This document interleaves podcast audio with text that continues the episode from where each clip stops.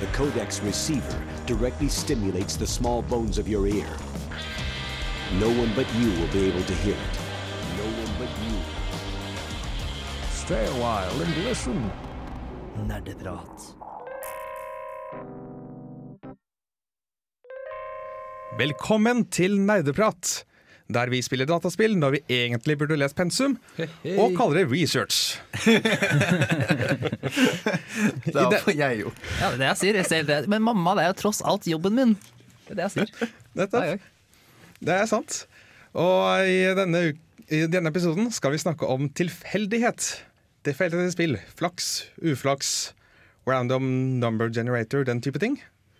Men eh, med meg eh, i denne episoden, så er det jeg vet, Er det tilfeldig? Er det tilfeldig plukket ut? Ja, jeg bare gikk forbi, jeg, og så bare ble jeg hanket inn. Uh, så jeg heter Tor Finn, uh, og jobber til vanlig på Bunnpris, men uh, i dag så er jeg på radio. Gjør du egentlig det, Andreas? Jeg tenkte det skulle bli morsommere enn det ble, men av og til så har man kanskje litt uflaks. Nei. eh. så, så det kreves mer i dag enn å bare si flaks for å få en latter. Uh, jeg er Andreas, som vanlig. Uh, ja, det er meg. Ikke Torfinn. Jeg, jeg er fortsatt litt satt ut av det du sa helt på åpninga, der vi spiller dataspill og kaller det research. For jeg, jeg, jeg kjenner meg så godt igjen i akkurat det. Det var sånn Wow, det er meg. Det, det er aldri noe som har truffet meg så godt før i det hele tatt. Og så har jeg sett mye triste filmer, lest triste bøker, hørt trist musikk. Eh, I, i research, eh, i vitenskapens navn, det også? Nei, nei, det er bare altså, sånne ting som egentlig burde ha gått inn over meg. Men det du sa nå, det bare traff meg sånn kjempehardt. Så jeg, så jeg er litt, litt målløs, faktisk. Du ligger, er- litt, du ligger flat på bakken og bare Ja, i hvert fall Det føles sånn. Metaforisk sett, Me- metaforisk altså. Fordi du, sett, du står jo og snakker i en tele eh, mikrofon, egentlig. Telefon. Mikrofon. Ja, mikrofon. Mikrofon. Ja, det gjør jeg. Eh, så jeg er her, jeg òg. Anders heter jeg. Jeg har ikke funnet på noen nye navn for anledningen. Nei, Dårlig, det har ikke jeg heller. Jeg er fremdeles Torben Dahl og skal eh, være programleder, eh, i hvert fall ja, prøve å være. Og bak teknikerspakene så har vi Ja, hei, Kristoffer i dag. Uh, tekniker forrige gang, altså. Det, ja. Det, jeg ble ikke tilfeldig utvalgt. Jeg ble valgt fordi at jeg er sånn tekniker i nerdeprat, tror jeg. Ja. Det kunne vært en morsom les eh, lek om vi trakk tilfeldig hvem som skal være tekniker. Oi. Også blant de som ikke har teknikerkompetanse. Det, kunne vært morsomt. Men det hadde vært litt skummelt. Men noe som var veldig tilfeldig som skjedde med meg i dag, for jeg jobber jo også som radioredaktør i Sentralen til vanlig, og det som var Ja. sykt tilfeldig i dag, var at jeg var vekt i morges av desken i Studentmedia, som er sånn Hei, du, du jeg trenger en uttalelse fra deg. Og jeg bare sier ja, OK, greit. Og så sier til han ja. eh, Underrusken. Ja, til den da. Studentavisa, som er avisa som utgis av det samme mediehuset som vi er en del av. da Og så bare sånn OK, hvorfor det? Nei, for dere har hacka ordboka.no. Uh, altså, Hæ? Ja, ja, en av datamaskinene deres har DOSA, eller altså Denial of Service-a, eh, nettsida deres. da Altså at du sender så mange forespørsler om å laste inn sida at det er nesten som at du skal gå inn i en heis. da Hvis veldig mange går inn samtidig, så kommer ikke alle inn. Det var det vi gjorde med én datamaskin. Ja, for det viser seg at en av våre datamaskiner har stått og søkt på ordet 'tjent' Det synes eh, jeg 577 000 ganger I løpet av den siste, den siste dagen. Og det ble rett og slett for mye for stakkars ordboka å takle, så der eh, den bare krasj. Ordbok.no, litt som en heis. Ordboka.no. Men eh, vi er lei oss. Vi er veldig, vi er veldig lei oss. Det var, et da. det var Firefox sin feil. Firefox sin Ja. feil. Ja. Men, men du ble vel ikke vekt sånn på morgenen? Det var vel noe i til to-tre-tida at de ville ha Jeg får se meg, uttalelse. OK. Det var kanskje like greit at du ble vekka i to-tre-tiden. Ja, Få be, få om dem uttalelser oftere, så våkner du litt. Du blir vel litt sånn 'what?' Så det er en sånn vekkerklokkeeffekt. Vet- Kristin, den nye daglige rutine er å bli vekt opp og må gi uttalelse hver eneste morgen. Det tror jeg kan bli slitsomt. Det jeg har gjort nå, er at vi har en sånn arbeidsliste på kjøkkenet her på arbeidslokalet, der det står hva for noe fint vi har gjort på Lukas. Så det jeg gjorde når jeg kom eh, hit eh, før sendinga nå, og jeg skriver at eh, Chris Monsen, 14. oktober, hacket ordboka. Synes det var en fin ting å gjøre. Nei, det, det, var jo, altså, det var jo mye vel, alt sammen. Så det, det ble fiksa. Det var bare Ja, litt dumt å ødelegge nettsider for noen, liksom. Og de bare, det er liksom første gang det skjer på 24 år! Og jeg er sånn, oi! Hva har vi gjort? Nei! Hvis du vil lese mer, kan du gå på dusken.no og finne eh, en sak som vi selv har skrevet om denne hendelsen. Så vi skaper våre egne nyheter da, her i, eh, Ja. i studentmediene i Trondheim. Det er sånn det har blitt. Før så hadde vi agurknyheter, liksom, og nå så så må vi er nødt til å skape våre egne nyheter. Eh, hva, hva, hva blir det neste? Hva, har vi noen ideer til nyheter vi kan lage? Hva vil fremtiden bringe? Det er tilfeldig. Oi, kapisj! Veldig fin Segway, Chris. Jo, takk. Har øvd på dem lenge. Ja, og fordi at eh, vi skal jo som sagt snakke om tilfeldigheter. Mm. Flaks, uflaks, den type ting. Men eh, for å piffe opp sendinga litt også, så blir det tilfeldig i hvilken rekkefølge vi snakker om ting. Oi. Men hvordan trekker vi det her da, Torben? Eh, Jeg tenker random.org. Random.org. Spennende. Det er en eh, nettside hvor du kan få tilfeldige tall. Random.org. Det er vel bare pseudotilfeldige tall. Ja, det er ingenting som er sant, sant tilfeldighet. Finnes det Eh, jo, hvis du, hvis du har en radioaktiv kilde, så kan du få Ah. til eh, sann tilfeldighet. Men det er omtrent den eneste måten. Men det, det er jo litt skummelt, da. Hva er egentlig forskjellen? da? Kan ikke du bare si hei, yo, datamaskin, gi meg et tilfeldig nummer? Ja, men altså, sånne datamaskiner gjør tilfeldighet. Det er som ofte at de bruker tiden. Altså, de bruker den um, Vi bruker en algoritme mil- ja, som altså, tida til å De lage tar millisekunder siden en eller annen dato, Ja. Og så pjotter de det inn i en eller annen eh, matematisk funksjon, og så gir de deg et tall ut. Men, men det her algoritmene kommer til å være såpass tilfeldig at, at du klarer på en måte ikke å game den. Du Altså, klarer ikke å du game klarer ikke å eh, Du klarer ikke å forutsi det. Nei, Og da er jo spørsmålet Er det samme at du ikke klarer å forutsi det, det samme som at det er tilfeldig? Hmm. Hmm. Og det er et godt spørsmål, er det ikke? Makes you think. Makes you think, Vi skal, bro. eh, jeg har på en måte fire segmenter her, som alle har tallet fra én til fire. Mm. Du har eh, for eksempel hva har vi spilt siden sist? Å ja, vi skal ta det Oi, oi, oi. Så kan, og vi har Nerdenytt er et segment. Og så har vi lite, litt grann om Mystery Chamber, eller eh, sånn hvor du skal låse ut fra et rom. Det har vi fått uh, testa litt ut, så det skal vi ha snakke om i et segment. Og så har vi et fjerde segment som er eh, temadelen. Det er da altså det som eh, Der vi snakker om tilfeldighet. Spennende. Og for alt vi vet, så kan det hende vi starter med temadelen og avslutter med hva vi har spilt siden sist. så dette blir veldig spennende. Vi vet ikke hva som venter oss eh, etter uh, førstkommende låt heller. Men eh, skal vi trekke et eh, tall, eller, Chris? Skal vi det? OK. Vi har jo til og med en trekk tilfeldig tall-jingle. Men, oi, Ja. men skal vi, altså, vi skal avsløre hva som kommer etter neste låt? Eller Ja, skal vi, det skal vi. Ok, så, så du vet hva som venter deg etter låten. Ja. Så nå trekker vi. mm. Og vi skal ikke si det til resten. Skal vi ikke det? Jo. OK. Det ble to! Det betyr at vi går rett på Nerdenytt. Oi. Yay! Men uh, før den tid så skal du få ei låt. Her får du Shovels med låta One Thousand Years.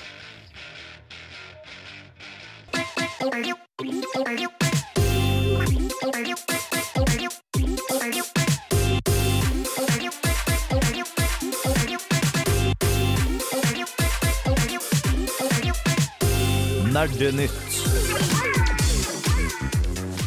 Jepp. eh, dette er Andreas, nyhetskorrespondent for Nerdeprat. Og jeg har lest hele internett. eh, Oi, for shit. hele internett. eh, for å finne de kuleste, beste spillnyhetene som har skjedd siden eh, sist. Eh, jeg vet ikke hvor jeg har lyst til å begynne. Det er, så, det er ganske mye spennende som har skjedd. Eh, Jeg kan jo begynne med at eh, Firewatch eh, et mysterie-eventyrspill som annet Bård er veldig eh, spent på, Ja. har eh, fått, endelig fått sin dato. Det har vært litt sånn Ja, litt sånn i uh, ja. Når kommer det? Når kommer det? Det kommer, men når? Eh, det har fått dato februar i 2016, så det er eh, like etter jul. Da får vi håpe at vi er ferdig med alle de spillene som kommer til jul, eh, for at vi i det hele tatt får spilt det. Det eh, får vi se. Eh, en annen eh, nyhet så har eh, Activision eh, beklaget for eh, Altså, det er jo, de, de ble sikkert kjempeoverrasket når det viste seg at eh, deres PR-stunt, som ba baserte seg på Ja, å, en, å live-tweete et terrorangrep eh, de hadde funnet på selv. Å nei! Eh, altså Ja. da For Ja, å liksom skape blest Ja. om det nye Call of Duty. Men her er det viktig tall som må være med også, og det er at de skifter jo altså du, du kan jo skifte et, det som du vises på Twitter, du har jo samme Twitter-handelen at Call of Duty, men det kan forandre seg at navnet ellers som vises, kan være annerledes. Eh, Sånn at de forandrer fra. Call of Duty til sånn herre Singapore News. World Live News Network eller noe sånt. Og liksom meldte at liksom, å, det er røyk i Singapore og terroristangrep og wow. Og så viste det at noen ble fornærmet av dette. Rart. Det, Ja, det var veldig Jeg ble også su- superoverrasket, men nå har de beklaget, da. Eh, For at det liksom ikke falt helt i smak. Men, men beklaga dem sånn, beklaga dem på en fin måte? Eller var det sånn Jeg beklager at du ble støtt av det. At noen kunne klare å finne det støtende. Jeg tror det var mer sånn Nei, du, unnskyld, det var litt, det var litt dumt. Vi Det var, på det, det var dårlig tenkt. Ja. Vi skulle ha tenkt på det litt før. Ja, det er, ja, men eh, kanskje Jeg føler litt sånn Per. Det er litt sånn kaste, kaste ting på veggen og se hva som funker. Og av og til så treffer du noen i ansiktet, for å bruke en fantastisk eh, metafor. Er det ikke Jeg husker jeg hørte et eller annet om Er det ikke Er det jo EA som har hatt eh, sånn eh, At de protesterte? At de lagde en liksom sånn falsk protest, protest mot et spill de skulle slippe ut? Ja, ja den det var det, mm. Det var Og å Dantes Inferno-spillet.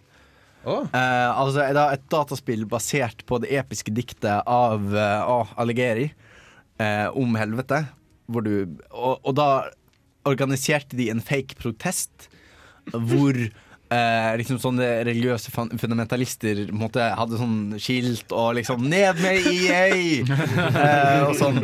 Men det var, det var EA som hadde lag, eh, organisert hele greia. Jeg syns det var litt mer smakfullt. Det var litt morsomt på en måte. Fordi det var det er kanskje jeg likte det først og fremst fordi du gjorde litt narr av folk jeg ikke liker.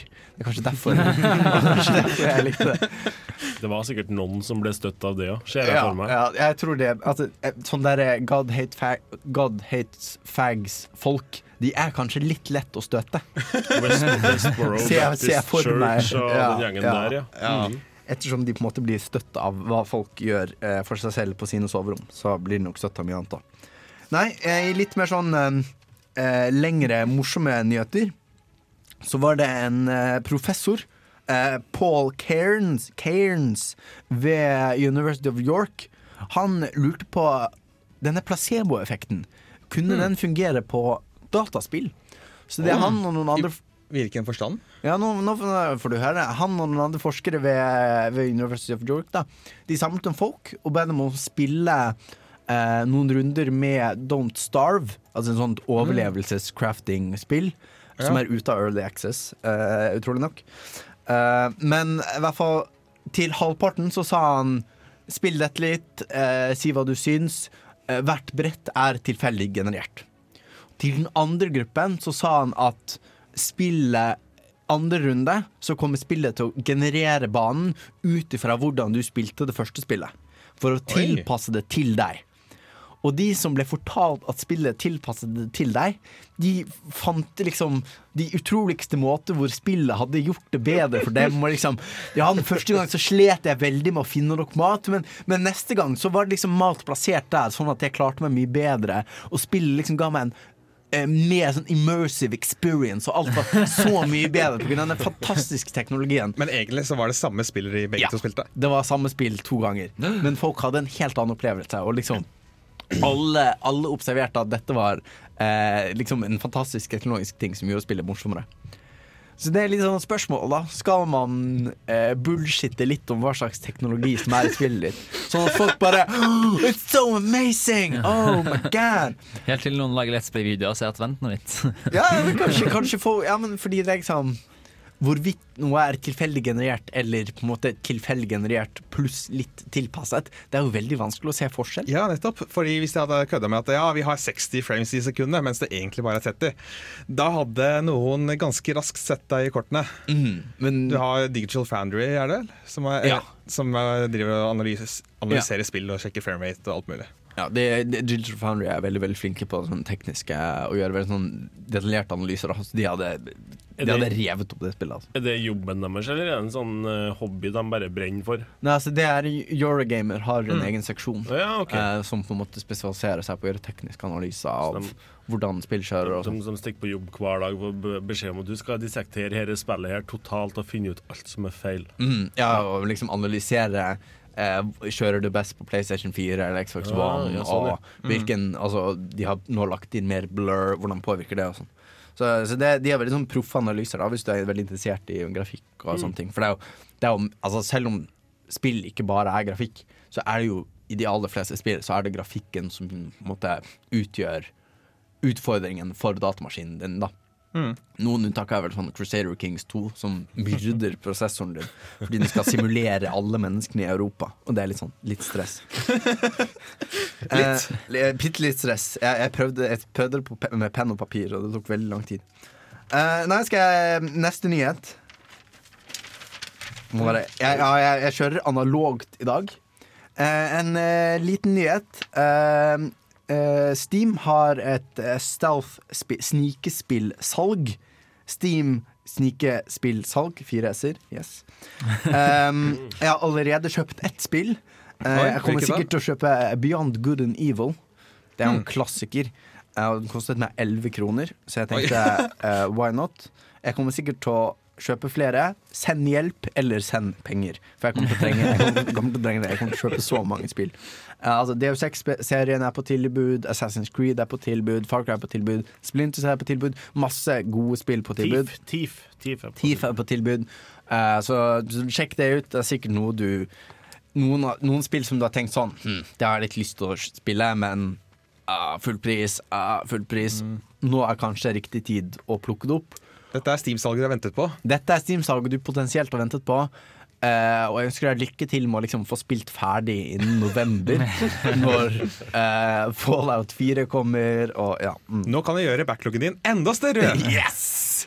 Har du Liksom, post, post Nei, med? Post post-apokalypsen kommer til å bli veldig stressende når folk finner ut at shit, det er eksamen om to uker, liksom. Det er den faktiske apokalypsen. Men uh, rekk, ja, har vi rekker vi å spille en låt og så ta resten av nyhetene, tror du? Det gjør vi. What? Da kan vi få høre Graveyard med låta The Apple and the Tree.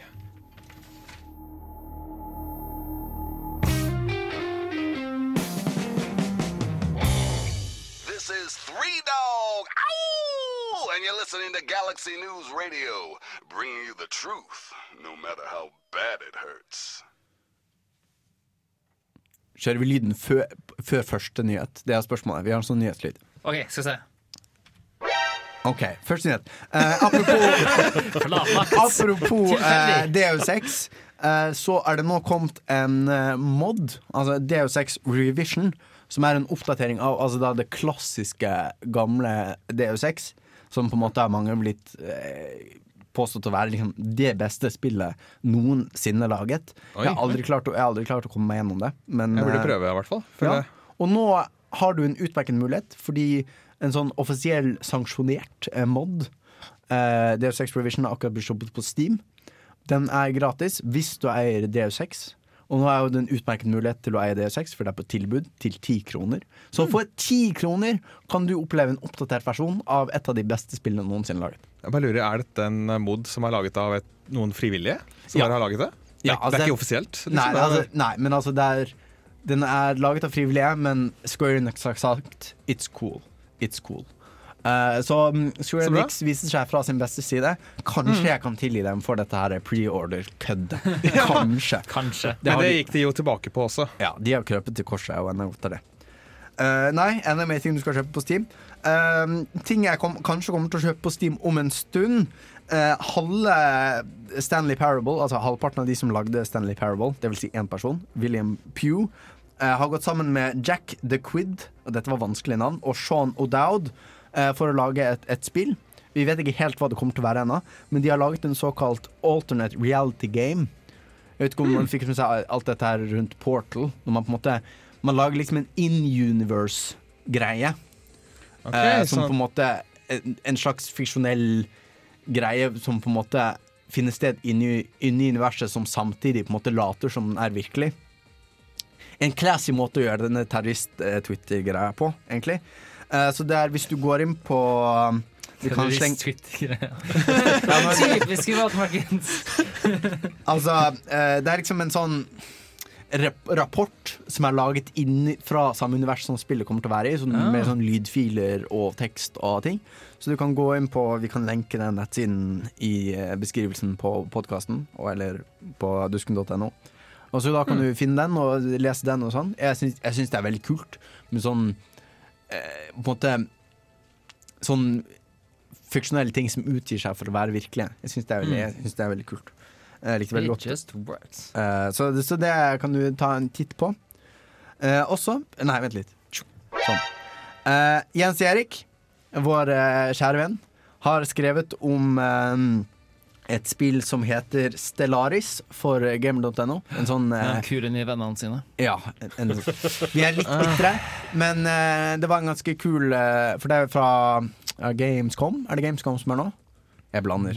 Er Fra en av disse messene. Ja, Gamescom har Jens Erik vært på. Ja. Og Hvis du vil høre om hans opplevelser her, så tror jeg sikkert du kan eh, finne noe i eh, en annen spillpodkast som Jens Med de nye, i. kule vennene sine. Hæ? Har han en ny spillpodkast også? jeg tror han har tre. Ja, han, er, han er rett og slett en polygamist. Double Jump, tror jeg det heter. Jens Erik søv aldri. Han, He just talks. Han sover aldri, men ligger rundt med de andre podkastene. Um, For de av dere som aldri har hørt om Jens Erik, så så er dette først og fremst veldig forvirrende. Um, men ja, han er, han er da et nerdepratmedlem. En, en nerd, såkalt. Men i hvert fall, han har skrevet om Stellaris, et nytt eh, 4X-spill eh, fra Paradox. Så det er liksom at Paradox har laget eh, middelalder eh, 4X-spill som Crusader Kings, de har laget Europa Universalis. Ah. Men nå strekker de seg ut i rommet, så det handler om å kolonisere og ta over planeter. Så det blir eh, Det ser ut som det blir en blanding av liksom tradisjonelle med liksom, og du lager fabrikker og sånt. Men spesielt eh, litt sånne fiffige nye grep. Eksempel at vitenskap, der det tidligere i for Civilization har vært sånn du velger hvilken vitenskapsting du vil forske på, ja. så er det heller at du velger en gren som du vil fokusere. Eksempel du vil eh, fokusere på matematisk forskning, eller du vil fokusere på samfunnsvitenskapelig forskning. Og så vil det avhengig av interessene til de forskerne du har, avhengig av hva slags kultur du har, så vil du få en forskningsting tilbake. Og det er litt sånn tilfeldig. Apropos tilfeldigheter. Det er litt tilfeldig hva du får. For det har alltid irritert meg litt. Altså, for, forskning fungerer ikke sånn at noen setter seg ned og sier sånn Nå skal vi finne opp hjulet, dere. Og så setter man seg ned, og så jobber man det en stund, og så Nå har vi hjulet. Det er litt mer sånn Og så har man Litt mer hjulet. realistisk. så, så det kan være eksempel, at du, du spytter mye penger og ressurser og tid i medisinsk forskning, noe som gjør at de finner eh, At de kurerer kreft. Punktum. Ja, for eksempel. Eh, Eller, eller så noe, som da, noe som da fører til at den kollektive levealderen stiger. Noe som gjør at kulturen utvikler seg pga. det. Er, det. er det litt den veien? Ja, men også hvis du er en mer militaristisk eh, imperium, Ja. så er det mer sannsynlig at disse medisinforskerne dine kommer på en aids-bombe istedenfor. Altså, eh, det vil avhenge litt av på en måte hvilke, hva slags imperium er det, hva slags forskning er du interessert i, og på en måte det vil påvirke. Og liksom, Hvordan skal en aids-bombe fungere? jeg vet ikke. Det er nettopp derfor vi trenger forskning, ikke sant? Kan noen sende penger til Andreas? Altså? NTNU-student forsker på aids-bombe. Nei, eh, det gjør han ikke. Det er sånn tilfelle, eh, tvil om det. Um, Nei, så det, det ser litt spennende ut. Det er bare en sniktitt eh, foreløpig. Men jeg liker veldig godt Paradox sine spill, og jeg liker godt Eller jeg prøver å like 4X-spill, men de er alltid litt for skumle for meg. Jeg liksom får dem aldri til. Jeg har spilt en del Civilization, ikke noe flink på det i det hele tatt. Men jeg vil gi dette her en sjanse til. Nå, eh, Vi må ha en sånn obligatorisk kickstarter-nyhet. Å ja, Eh, er det blitt obligatorisk? Ja. Hvem, hvem, hvor kommer dette fra? Er det, Chris, er det du som har overstyrt meg her? Nei, det, jeg, jeg skrev det inn i måldokumentet vårt. Så nå må vi ha en kickstarter-nyhet.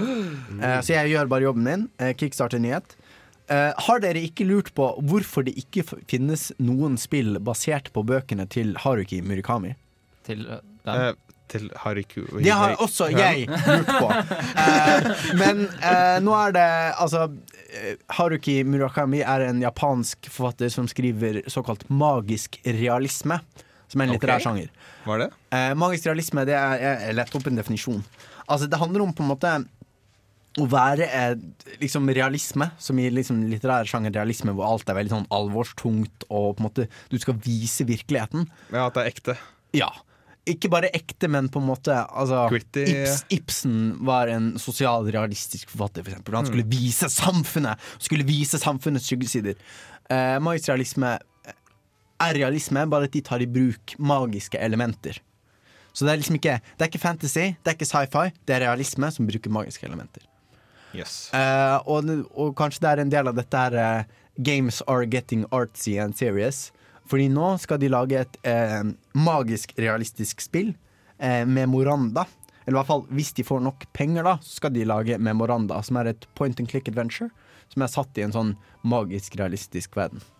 Så, det, så det blir på en måte Henrik Ibsen meets JK Rowling? Eller? Ja, kanskje litt. Ja. Ikke Altså, ja. Ikke, ja.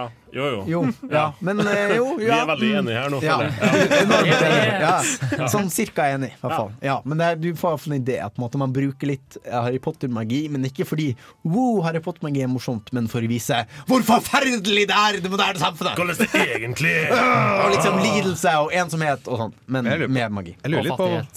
På en måte hva de gjør. Fordi at Du skal på en måte skape litt illusjon av at ja, dette er sånn samfunnet faktisk er. Dette er slik det er på bunnen.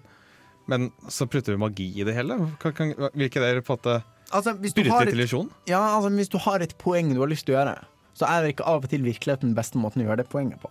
Nei, Det er kanskje tanken. det er sant. Eh, og at måte, det handler jo litt sammen med symbolikk, metafor. Uh, så ja, det er, det er litt sånn Det er litt sånn omstridt begrep, men du kan si sci-fi og fantasy strekker seg oftere mot på en måte en sånn eskapisme. Altså på en måte Du på en måte vil flykte litt fra verden.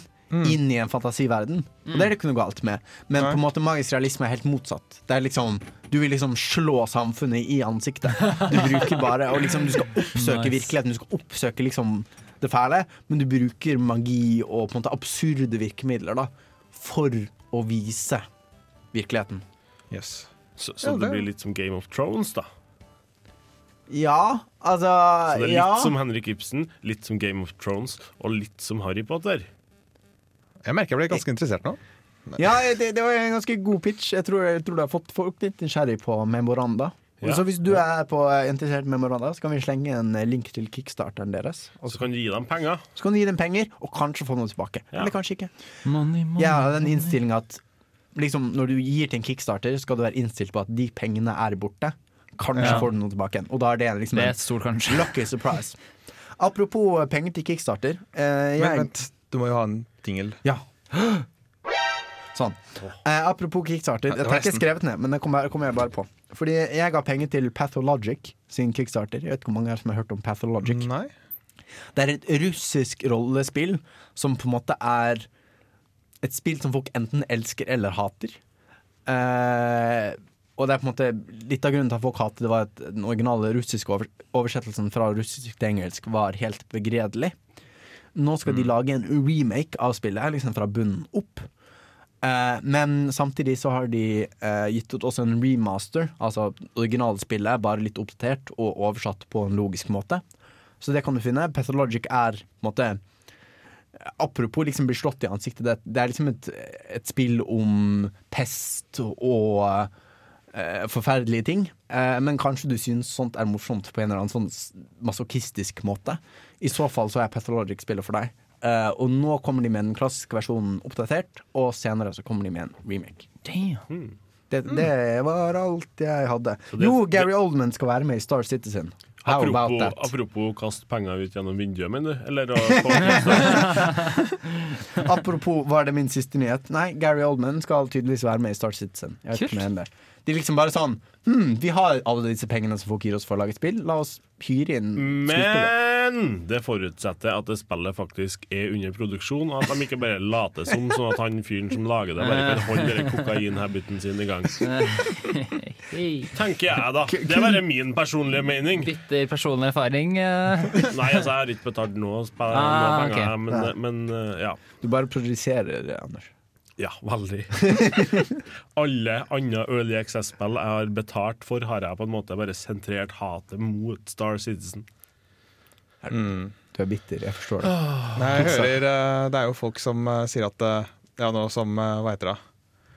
Åh, et annet sånn romsimulatorspill. Uh, og, uh, Elite Dangerous. Elite, Elite Dangerous, ja. At det liksom hva, det, Hvorfor skal man vente på Star Citizen når du nå kan, når du kan spille Elite Dangerous? Og det kan du ha spilt en god stund? Som faktisk finnes. Ja, ikke sant?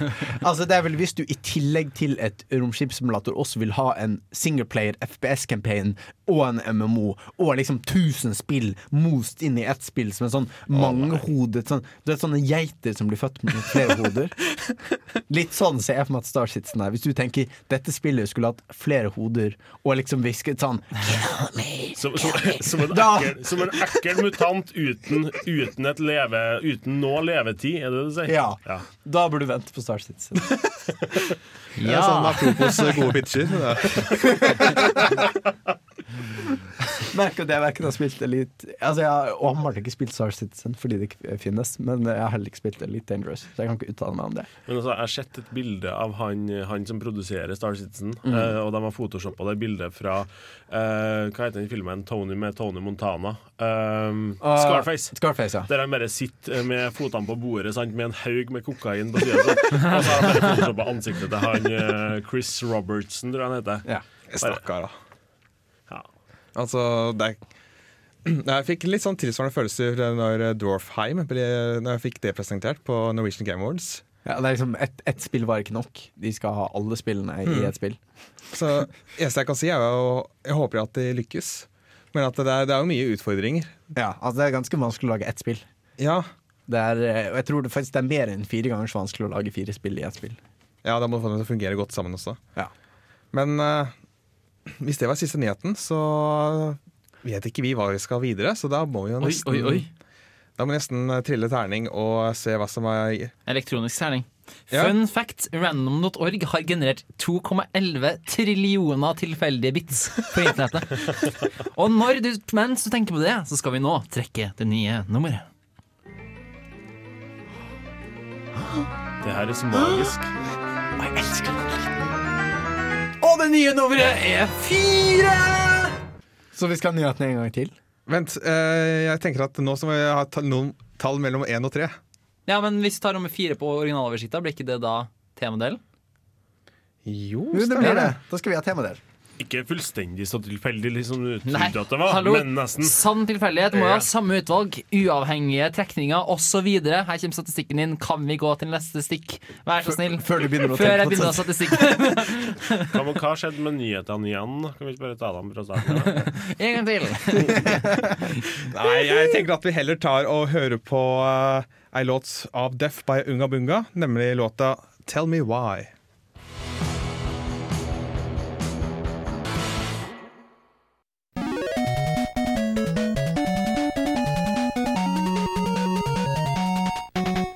Da er det gjort klart til temadelen, hvor vi skal snakke om tilfeldigheter. Og Oi. Ja. Og i ledning den, så har vel du Anders har kommet opp med et litt merkelig system for å sette tilfeldigheten enda mer på spiss. ja, jeg hadde en jævlig god idé. Jeg hadde en utrolig god idé, og det var at um, uh, Ja, uh, at før hvert uh, nye stikk nå, eller mellom hver låt så i hver låt. Eller hva sa han nå? Altså, når det blir kommer en låt nå, så kommer vi til å oppføre oss annerledes, sånn som vi òg kommer til å gjøre fra nå av. På grunn av at vi har valgt tilfeldig hvordan vi skal oppføre oss på lufta. Så eh, vi har allerede valgt for den her eh, eh, Det det vi skal snakke om nå. Og når vi skal snakke om noe nytt etter neste låt, så velger vi på nytt igjen. Men skal vi avsløre hva Ja, vi, må vi jo, har vi, må jo, vi må jo oppgi samplesettet. Ja, eh, Av samplesettet så har vi altså én eh, det at man er negativ. Nummer to er at man er positiv. Wow. Nummer tre er at man er kleint morsom. Jeg leste det som Chris Monsen. Det så- så ser litt ut som Chris Monsen. Ja, det ser litt sånn ut. Ja. Ja, wow! Den var meta. Den var slem. Nummer fire betyr at man er ubesluttsom. Eh, fem. uh, da, er fall, da er det din første gang på radioen. Du vet ikke helt hvordan du skal forholde deg til det nye, uh, moderne mediumet som radio faktisk er. Ja, du har bare brukt telegraf før. Så Ja. sånn. Og nummer seks, da, samme hva vi snakka om, så likte du egentlig boka bedre. Men altså, det samplesettet Ja. For jeg har jo lest boken som den er basert på. Oh, ja. Altså Vi har tatt disse, disse begrepene fra en bok. Det har helt Og den sikkert boken du var, gjort, ja. ja, Mm. og den boken var, var bedre. ja, hvis du sier det, så. Ja, er er det her som er mikrofonen? Ja, der har vi Ja, den. altså Den du dunker på og lager sånn lyd inni Ja, øynene. ja, ikke, to, Ja, ikke bank på den. Ok, eh, Nå er, nå er Først, den morsomme først, i så er det leken mye, først er det mye arbeid å bare styre rundt på det jævlig tilfeldige greiene. Så må vi flytte hele deler av sendinga opp og ned i hele jævla tida. Og nå skal jeg være negativ hele fuckings tida! Men seriøst, da. Altså, jeg har noe jeg skal gjøre om, eh, om fem kvarter. Så kan vi bare komme i gang med den dritten her, sånn så vi blir ferdig med Ja! det. Ja! Men, men Anders, jeg trodde du skulle bytte personlighet. Å ja, du prøver bare på den, ja. Kjempemorsomt, Andreas. Kjempemorsomt. Men OK, jeg merker det er litt vanskelig for å være både programleder og første gang på radio, men uh, Jeg syns du klarer deg kjempebra. ja, OK. Takk. Vi skal snakke om tilfeldighet i spill. Da tenker jeg både litt sånn i forhold til eh, tilfeldig generering av nivåer og sånt, men det skal vi snakke om seinere. Det jeg tenker på først nå, er litt sånn eh, Det å ha innslag av flaks og uflaks i spillet. Og da spør jeg i salen her, eller studio, da. Hva, har vi noen gode Har vi noen eksempler? Jeg syns ikke det finnes noen eksempler for at tilfeldighet i spill er piss fuckings irriterende. Men det kan jo være eksempler på ting som er pissfuckings irriterende. Ja, Eksem Men det var ikke det han spurte om! Jeg har Sånn- et, sånn jeg et gode jævlig, jævlig godt eksempel på et jævlig dårlig eksempel. Altså Eh, Illustrerende okay, okay. eksempel på noe dårlig. har dere spilt uh, noen sånne rollespillignende spill en gang?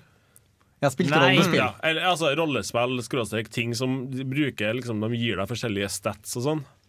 Da, da har du en stat som ofte er en stat som heter critical hit. Eller løkk, da, heter den ofte. Ja, eller luck. Altså det, det vil si at du har en så og så stor andel eh, sjanse til å gjøre mer skade eller få bedre lut. Og Det syns jeg er så sykt irriterende hvis det er player versus player, for da får alltid han andre personen får critical hit, Nettopp! og jeg får aldri det! det Altså her, her viser du jo bare at du er ignorant overfor konseptet expected value. Eller eh, Altså, du har jo til og med statistikk, Chris. Så du vet eh, forventningsverdien. Altså, her har vi en, en stokastisk variabel, det heter innenfor statistikk. Altså en tilfeldig ting. Eh, og poenget er at Altså, det argumenteres for at tilfeldighet er urettferdig. Det er vel det dere sier. Ja. Tilfeldighet er urettferdig fordi det gjør at det er flaks hvorvidt du vinner, og ikke uflaks. Men det er, eh, og ikke, og ikke liksom ferdighet, er vel poenget. Men det er bare én match. Altså, hva er, hva er forskjellen på en 20 sannsynlighet for å gjøre 100 skade og 20 skade hvis du ser det over lang tid?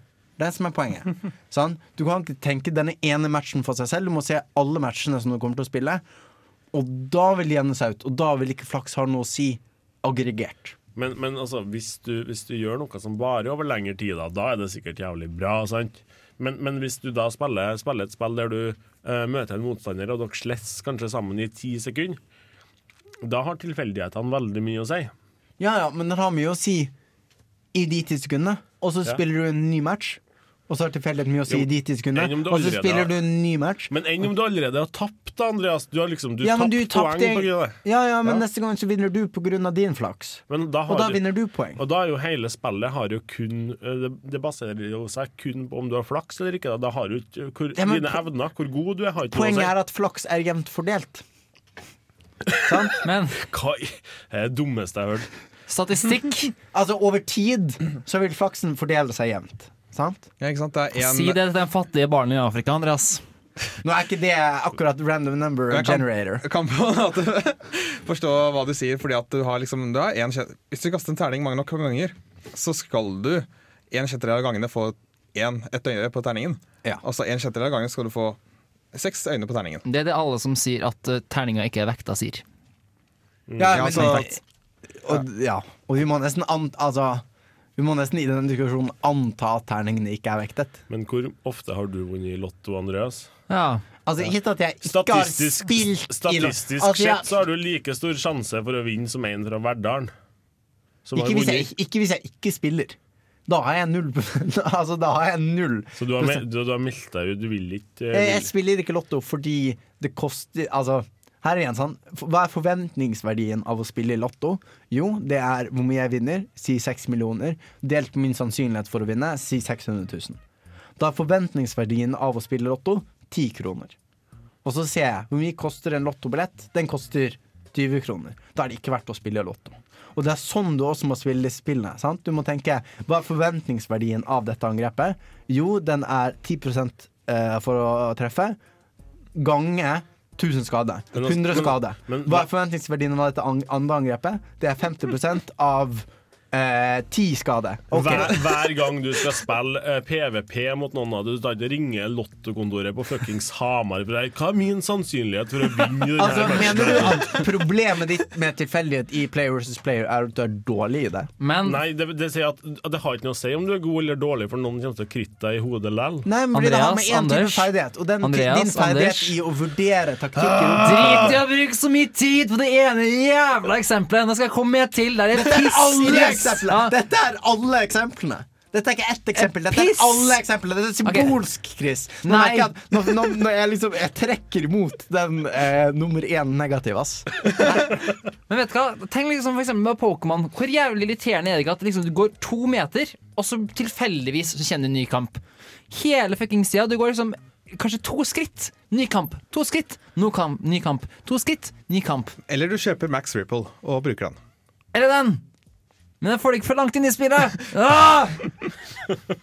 Men sånn, dette handler om du må, du må vurdere hvor sannsynlig er det at jeg kommer til å treffe en eh, Pokémon.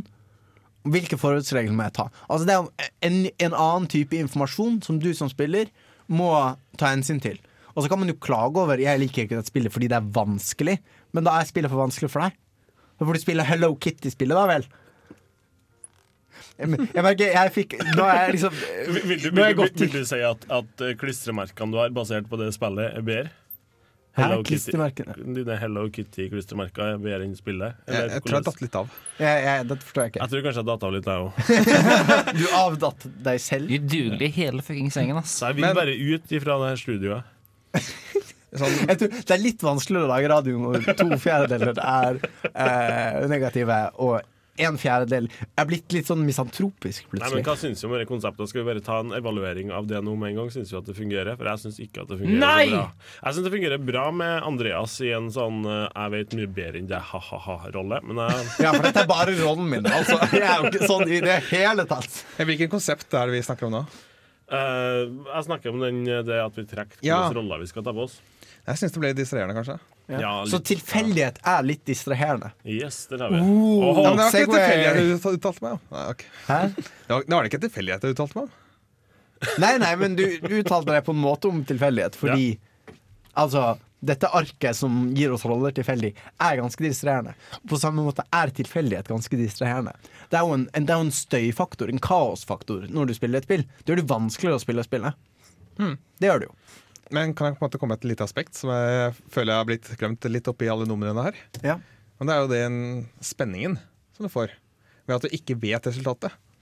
Så du kan, du kan jo godt si at eh, ja, hvis du kjøper en eh, norsk eh, Hvis du kjøper en lottokupong, og den koster mer enn det du kan forvente å få igjen sånn statistisk sett, så OK, den ikke, du kommer ikke til å tjene penger på det sånn. Hvi- hvi- Hvis du er leder for en bedrift, så burde ikke du investere i lottokuponger.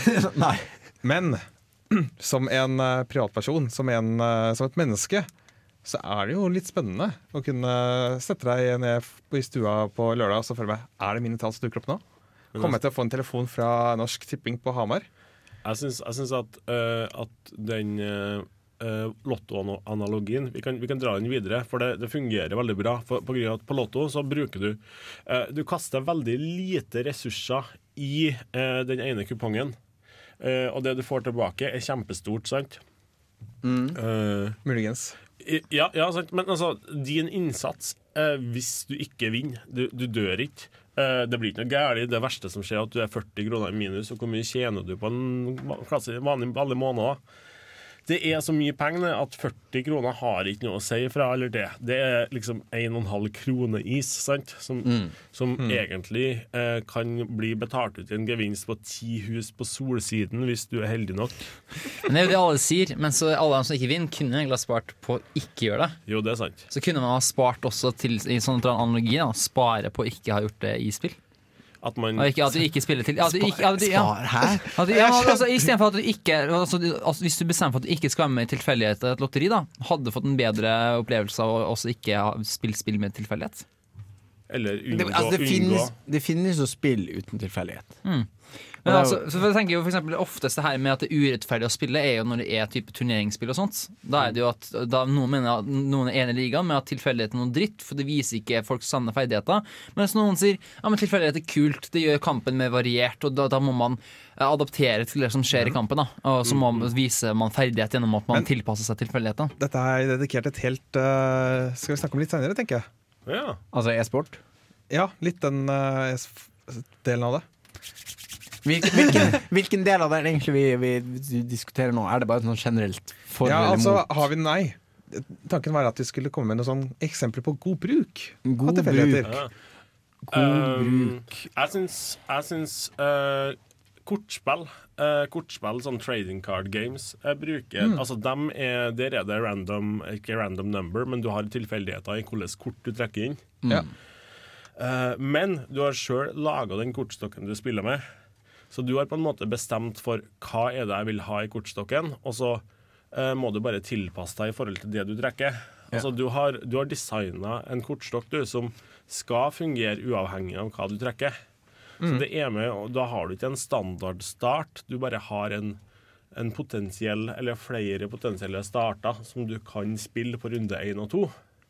Så for eksempel når jeg eh, skal lage Magic the Gathering Deck, så må jeg sørge for at ja, jeg har i hvert fall 15 land, helt kanskje litt mer. Sørge for å ha nok eh, skapninger som jeg kan få ut i de første rundene, og så eventuelt ha noen kort som er reservert for de senere rundene, hvor jeg har mye mer ressurser tilgjengelig. Ja, Fordi, altså, fordi eh, tilfeldighet gjør at du må tenke på en annen måte, og at du må være kjappere på å tilpasse deg. Og sånn er det jo for eksempel nå skulle, Hadde du kanskje planlagt vi skulle snakke om sånn procedural generation senere, men når man spiller Civilization, for eksempel, så starter man jo på tilfeldig brett. Og det betyr jo at hvilken taktikk du må bruke, avhengig av hvilket brett du starter på. Og det er en form for eh, Nå hadde vi en slags eh, artikkel i eh, Hjemmelekse. Dette er jo det Keith Bergen kaller input randomness. At du Ja. får tilfeldig input, og så må du tilpasse deg til dette inputet. Du må velge taktikker som er optimale i dette tilfellet. Så den, den syns jeg er en veldig spennende form for uh, tilfeldighet. Og så liker jeg ofte å, eh, når jeg spiller Civilization, å velge tilfeldig sivilisasjon. Fordi hver sivilisasjon har ulike fordeler. Og det kan være veldig morsomt å bli tvunget til å spille på en annen måte enn det du er vant til, fordi tilfeldigheter gir deg en sivilisasjon som er best hvis du spiller på den måten. Mm. Kanskje det ikke er den måten du vanligvis spiller på. Kanskje du ikke liker å bruke kultur, eksempel, som er en, en måte å vinne i Civilization, er å bruke culture. Uh, og kanskje du vanligvis bare er en militær hersker, men så blir du tvunget pga. tilfeldigheten til å gå den taktikken. Og da kan du oppleve nye sider av spillet som du ikke kjente til pga. tilfeldighetene. Så det vil jeg si er en, en god bruk. Altså Civilization generelt, eh, nei, Civilization spesielt, og liksom den typen tilfeldighet som gjør at du må tilpasse deg litt. Tilpasse taktikken din litt. Det syns jeg er spennende. Og jeg husker jeg gjorde noe tilsvarende med, da jeg spilte Super Mario 3D World. For da kan du trykke på B-knappen, tror jeg det er, når du eh, står og skal velge figur. Eller når du skal liksom være på vei inn i en bane. Og da får du tilfeldig figur på det sammen. Så kanskje du spiller én bane som Mario, og så neste bane så trykker du igjen, og så får du utdelt eh, Peach. Ja, og da må du spille på en ny måte. På en annen måte. apropos Mario, ja. Eh, Mario Kart, når du trekker power-ups, Ja.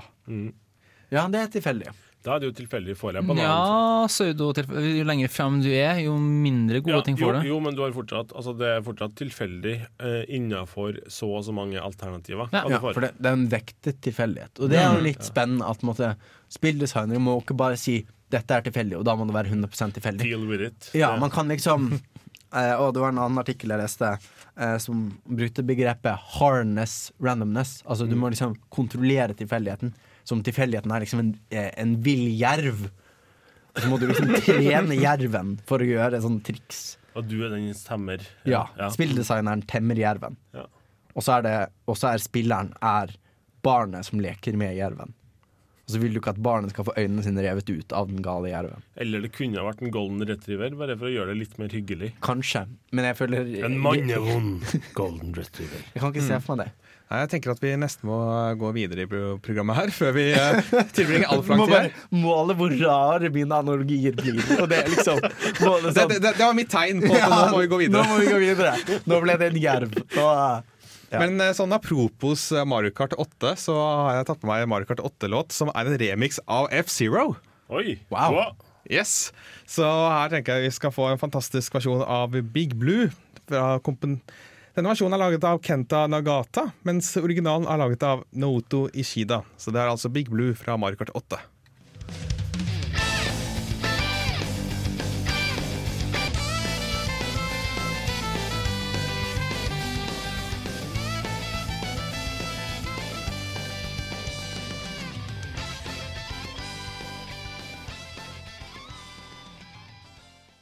Dab, dab, dab, dab, dab, dab.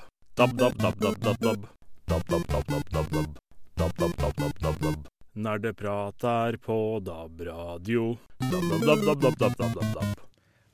Og eh, nå tenkte jeg vi skulle snakke om eh, litt sånn eh, Vi har allerede vært litt innom det, men sånn når er det i tilfeldighet ikke er det seg? Og det er Vi har for eksempel Jeg tenker sånn speedruns, for eksempel. Hvis du skal kjøre raskt gjennom et spill. Mm.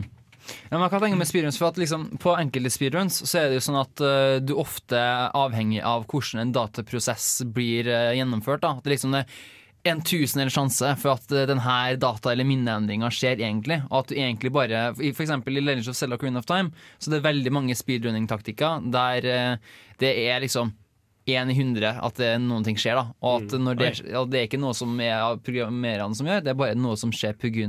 hvordan alt er bygd opp da og strukturert. da Så de på en måte vellykkede speedrunsene De er på en måte du må prøve 100 ganger. Ja, Du må bare prøve, og så plutselig så skjer det. Altså da, hvis det skjer, så må du ha gjort det kjempebra fram til da. ikke sant? Ja. Og når det skjer, så blir det sånn Å, herregud, nå skjer det! Nå må jeg ikke fucke opp! ikke sant? Det skjer én i tusen ganger. Åh! Og så, ikke sant? Det det som ofte skjer da i speedruns, er at det liksom tilfeldighet er ikke en intensjonell del fra spillutviklerne, men det er en intensjonell Det er noe folk har laga gjennom å prøve å ødelegge spillet så mye som mulig, slik at de kan gå gjennom da, så kjapt som mulig. Rett og slett. Eh, vi har jo snakka veldig mye om Super Mario Maker. Eh, veldig mye de siste, på, siste programmene siden Super Ja. Mario Maker kom 11.9. Uh, der er det jo det aller meste i Mario er jo laga sånn at du vet bestandig hvordan det kommer til å reagere. Det er ingenting random i måten en Gomba eller en Koopa, Koopa Troopa, tar og beveger seg på. sant? Nei? Uh, Ildhjul spinner bestandig like fort rundt. Eh, Og Starte starter gjerne fra samme posisjon også, Ja, altså. avhengig av hvordan du scroller skjermen.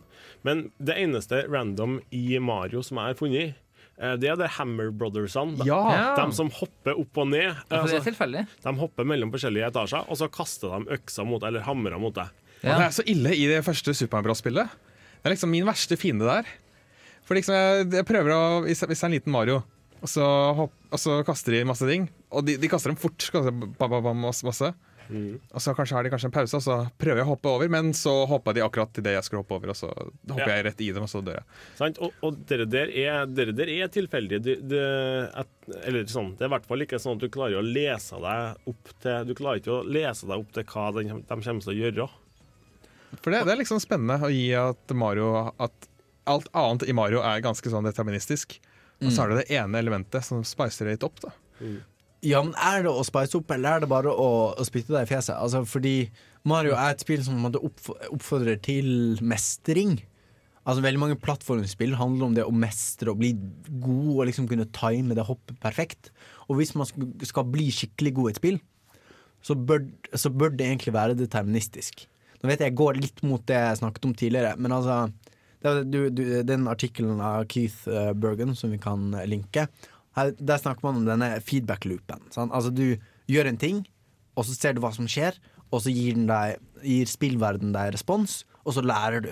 Og så gjør du en ting, og så reagerer spillverden, og så lærer du. Og så går det en sånn loop, sant? for du gjør handlinger, og så observerer du hva, hva som skjer av den handlingen. På den måten så lærer du å mestre spillet. Men hvis det er tilfeldighet, hvis det er på en måte støy inni denne loopen, så er det mye vanskeligere å lære spillet. Det er fortsatt mulig, for du kan lære disse her 20 sjanse, og da kan du vite at du bør gjøre det når forventningsverdien osv. Mm. Men det gjør det mye vanskeligere å lære et spill. Og jeg tror at i plattformspill som Mario, så er egentlig tilfeldighet ganske irriterende. Jeg syns plattformspill er irriterende. Det var, det var egentlig litt dumt av meg å bruke Mario Maker, og ikke bare Mario 1 eller Mario 3 som et eksempel. For i, i Mario Maker så er det jo veldig mye random elementer i forhold til at folk har plassert haugevis av koper sånn som spruter ild og sånn. Men det er jo ofte også en grunn til på en måte, sånn avhengighet av eksempel svære MMO. For det er sånn, for Ja. eksempel, Du har jo loot drops, ikke sant? du har det i Borderlands-serien, du har det i Runescape, for å nevne den gamle en, du har det i Destiny, for å nevne den nyere en. Alle MMO har jo sånn at når du dreper en svær fiende, så det er kanskje 10 sjanse da, for at du får den magiske øksa ifra Tutur, som gjør ekstra skade. ikke sant? Det er og så må man slå den flere ganger da, og gå, gjøre det igjen og igjen, igjen da, for det er litt sjanse for at du får den. Og får du den, så vet du at oi, jeg var en av dem 1 da, som faktisk eh, får den. da. Og det er jo en sånn gambling-avhengighet. Ja. Det er jo klassisk Skinner-box, som Ja. jeg sikkert har forklart mange ganger på programmet. Men altså, ingenting som er så uh, avhengighetsskapende, og det gjelder mennesker, det gjelder papegøyer, det gjelder aper. Det er ingenting som er så avhengighetsskapende som tilfeldighet. At av og til så får du mye, av og til får du ingenting. Det er liksom, Hvis du har en sånn matknapp med en papegøye som liksom trykker på knappen, så får den av og til får den ingen mat, av og til får den tre mat. Det er bare å trykke på den knappen til den dør, for det er liksom dopaminrush. Så det, det er rett og slett hvordan vi organiske apemennesker, skapninger, er programmert. Vi elsker tilfeldighet. Ja, og fordi at Hvis det hadde kommet mat ut hver eneste gang papegøyen trykker på knappen, så ville de bare trykke på knappen når den ønsket mat. Hvis det aldri hadde kommet noe mat ut den knappen, så ville de prøvd å trykke noen ganger. Så nei, dette var uinteressant. Mm. Når det er sånn tilfeldig, så får du veldig sånn sterk eh, det, Dette har jeg, faktisk, har jeg faktisk hatt om på skolen. Ja. Psykologi, eh, et eller annet. Men jeg syns òg det er veldig artig at uh, hvis det faktisk er skikkelig random, sånn at du har den eh, La oss si at du har en item som har en 5 dropp, da, så statistisk sett kan den droppe hver tyvende gang du tar livet av den der bossen, f.eks. Og så, har du drept den bossen hver uke i to år. Du har alle sett det. Nei, nei. Da begynner du å tenke sånn Jeg tror det er kanskje noen som bare driver og tuller med meg. Eller. De er ute etter å ta meg. Det er meg de er ute etter å ødelegge for. Og det er jo sånn, og det er jo sånn tilfeldighet funker. At måte, det er jo ikke noe at du får den hver tyvende gang. Det er sånn at Hver gang du gjør det, så er det 5% Og da kan det hende at du får den aldri. Det kan hende du får den fire ganger på rad. Det er jo derfor det, det det betyr, er jo at vi er bare, vi er bare altfor gode til å se mønster. ja, Selv om ja. det ikke er noe mønster. Det er vi. Og eh, jeg kom på et sånt eksempel, da. Fordi jeg eh, har faktisk spilt litt eh, Super Smash Brothers før. Faktisk Før jeg ble med i Nerdeprat, så Mm. spilte jeg en del ganger med de som spiller Super Smash Bros. I, bort på NTNU Mm. hver eneste lørdag. Under realfagskantina, for de som ønsker ekstra detaljer. Og der har du liksom litt, liksom, sånn profesjonelt miljø, da. I den forstand at de, de vil Det er ikke noe items. Du, Ja. du har lov til å velge andre enn Fox. Og du har lov til å velge flere baner enn Final Destination. Men det er fortsatt eh, ganske sånn eh, tilfeldigheter vil de ikke ha så mye av. Og eh, det er en sånn morsom ting, fordi han Sakurai, han som står bak Super Smash Bros.-serien Jeg tror ikke han har vært sånn har ikke vært så fan av at folk skal gjøre det så seriøst. da Mm. Så i Super Smash Bros. Brawl så la han til en liten spillmekanikk. Nemlig at den, det er alltid, når du løper, går fra stillestående til løpende, så er det alltid en liten, men det er fortsatt tilstedeværende sjanse for at du snubler. Ja, det er derfor du snubla. Jeg tror jeg trykka på et bananskall. og sånt. Det kan du også, men du Jeg husker ikke helt hva det heter, men du kan i hvert fall snuble i gang iblant. Og i det forskjellige nivå, miljøet, liksom, så er det, er det sånn at ja, hvis motstanderen din snubler, så ja, da bare står du stille litt. For liksom Fordi de prøver å eliminere tilfeldighet så mye som mulig, men spillskaperen bør jo tvinge tilfeldighet inn i spillet. Ja. Og det skal inn i Skinner-boksen. Men du ser det jo, du ser det jo veldig tydelig eh, hvilke spill det er som ønsker å være litt sånn competitive og faktisk være tilgjengelig som en e-sport, f.eks. Eh, I Super Mario Brawl, når du har legget til det der, så er det jo klart at da blir det veldig mye vanskeligere å, å faktisk eh, spille competitive. Eh, mens Mens i andre spill så har de kanskje tatt, uh, tatt mekanikker som i utgangspunktet er uh, fullstendig tilfeldig. F.eks. critical strike, som de bruker i bl.a. League of Legends. Uh, og der er det sånn at Hvis du har en 1% critical strike-sjanse i det spillet starter, og du får tre kritter på rad, sant? da har du allerede vunnet, nesten. Du kan bare rulle, sette i gang en snøball som bare begynner å rulle og rulle, og rulle, og så vinner du til slutt. Så de har lagt inn en sånn soft cooldown på det der. Ja, sånn at du ikke får tre på rad. Det vil si at altså, hvis du har under så og så mye kritt, og så får du én kritt, så går det litt tid. altså Du må i hvert fall angripe tre, fire, fem ganger til før du i hele tatt har muligheten til å rulle for en ny kritt. Ja. Dette er veldig interessant. Uh, jeg leste en artikkel som heter 'Not so random randomness'. Mm. Der jeg tar den der eh, å temme den gale jerven fra. Fordi det handler om, altså En ting er at du har lyst til å gi inntrykk av tilfeldighet. Folk liker den boksen som eh, skattkisten som åpner seg, og kanskje er det en magisk sverd, og kanskje er det ikke. Vi liker inntrykk av den tilfeldigheten. Men vi har likevel ikke lyst til at vi skal spille i to år uten å få det magiske sverdet. Og vi syns det er veldig kjipt hvis vi får det tre ganger på rad. Så det denne artikkelen foreslår, er at du trikser med sannsynligheten litt. Sånn at jo lengre tid det går uten at du finner det magiske sverdet, jo mer sannsynlig blir det.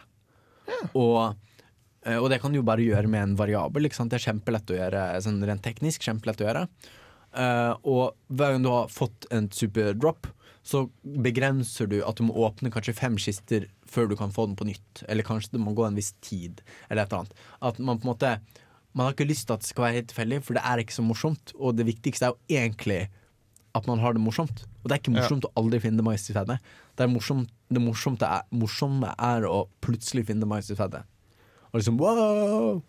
Eh, Norsk Tipping, hører dere?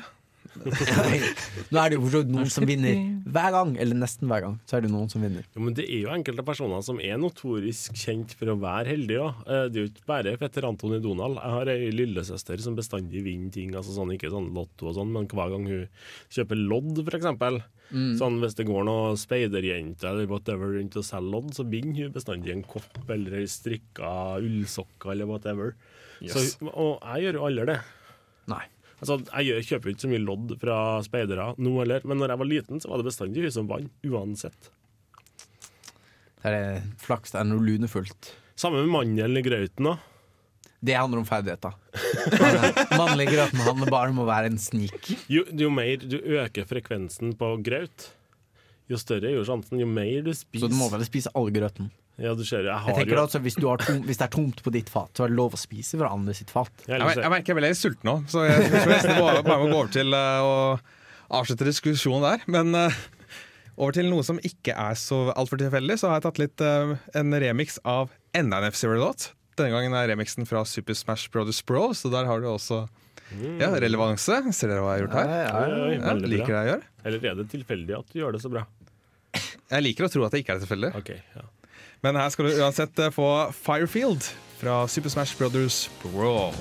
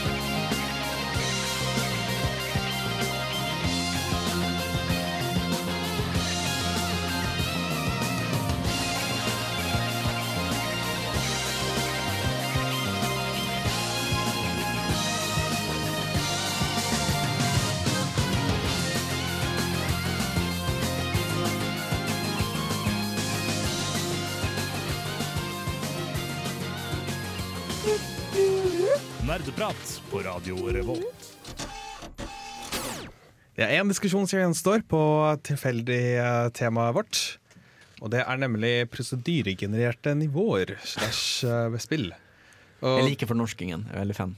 ja, det, eller vi kan, kan kalle det tilfeldig lagde nivåer. Ja. Hvor, hvor heter det procedural, egentlig? Fordi du følger en prosedyre når du lager det, sikkert. For det er jo ikke, ja, det er jo ikke helt tilfeldig. De Men- har jo en metode. Da Chris fikk vite at vi skulle snakke om dette, så uh, kom han med et stort uh, sukk. Nei! Fordi dette er jo tett knyttet opp mot Rouge-like-sjangeren. Rouge-like. Hvem vet? Er maskara er det liksom rouge-like? Nei. La oss ikke ta den diskusjonen igjen. Nei. Jeg, jeg var ikke på den sendingen engang, så jeg har fortsatt sånn Men, men, tanker om men, rogelikes. men, ja, men det var jo det, da, at eh, Chris ikke er veldig begeistra for rogelikes. For at det er blitt en sånn intern greie her i nerdeprat at hver gang et nytt spill nevnes, så sier alle sammen Men er det en rogelike, da? Er det en roguelike light, som er en lett eh, roguelike? Er det her en rogelite-like, uh, Ah. Quake-like, med 8-bits-musikk? Og da er Chris bare sånn Åh, nei. Ja, Men- Men en sånn uh, definerende karakteristikk ved rogue-like-spill er at det er forskjellig hver gang du spiller dem. Ja. Mm. Og det har jo, der kommer tilfeldigheten inn, i den forstand at uh, det, nye, det du utforsker, er nytt. Du vet ikke helt hvor ting er. Og uh, i uh, det originale Rogue-spillet så er det til og med tilfeldig hva items gjør-. Mm. Så du kan finne en blå potion uh, første gangen, så gjør den en annen ting enn den gjør andre gangen. Ja, så du må lære deg å spille litt på nytt. da Det er Ja. interessant. Og på en måte, hva tenker du om den måten å gjøre spill mer gjenspillbart på? Hvis det er gjort bra, så er det veldig artig. Eh, hvis det er gjort dårlig, så er det bare veldig frustrerende. Eh, Der har vi det! Da er vi klare for uh, neste Nei, nei, nei, altså, uh, det var jo som vi diskuterte litt Det var liksom vi diskuterte litt tidligere i sendinga her, at det er liksom uh, Hva er det som er at stake? Hva, hva er det egentlig du gambler på her nå? Altså Hvis du får en potion, sant, eh, og så viser det seg at Enten så regenererer du to liv, eller så dør du og må gå, fra, gå tilbake og starte fra starten av igjen. Eh, og så bare Ja, du er nesten ved mål, og så er det én fiende igjen, og så vil du bare Nei, jeg sier på den, så jeg drikker en potion, og så bare dør du. Sant? Uh, da, da er ikke det noe artig. Ja, Eh, men du, du, du misforstår Anders, for det er ikke sånn at du safer ved å ta en potion. Det som skjer, er at liksom du, du er desperat, du er utsulta, og du Men- har sånn men- syv varger som gnager på levra di. Og da er det sånn Fuck it, jeg drikker den gule potionen. Men hvis den potion da hadde vært sånn enten, enten så er det, viser det seg at du får én hitpoint tilbake, eller to hitpoints, eller tre hitpoints, eller så er det eh, urin, og, og, og neste gang du går, drar inn til byen for å handle, så skifter navnet på karakteren din til det navnet du hadde før, pluss piss drinker, og så flirer folk av deg. Eh, da, da, da er det morsomt, sant? Da er det morsomt. Eh, da, da er liksom, ja greit, enten så får jeg mye liv, eller så eh, har jeg et dårlig kallenavn hengende over meg, som egentlig ikke har så mye å si. Uh, Sammenlignet med at okay, hvis jeg drikker den her, og det viser seg at det genereres feil, så dør jeg.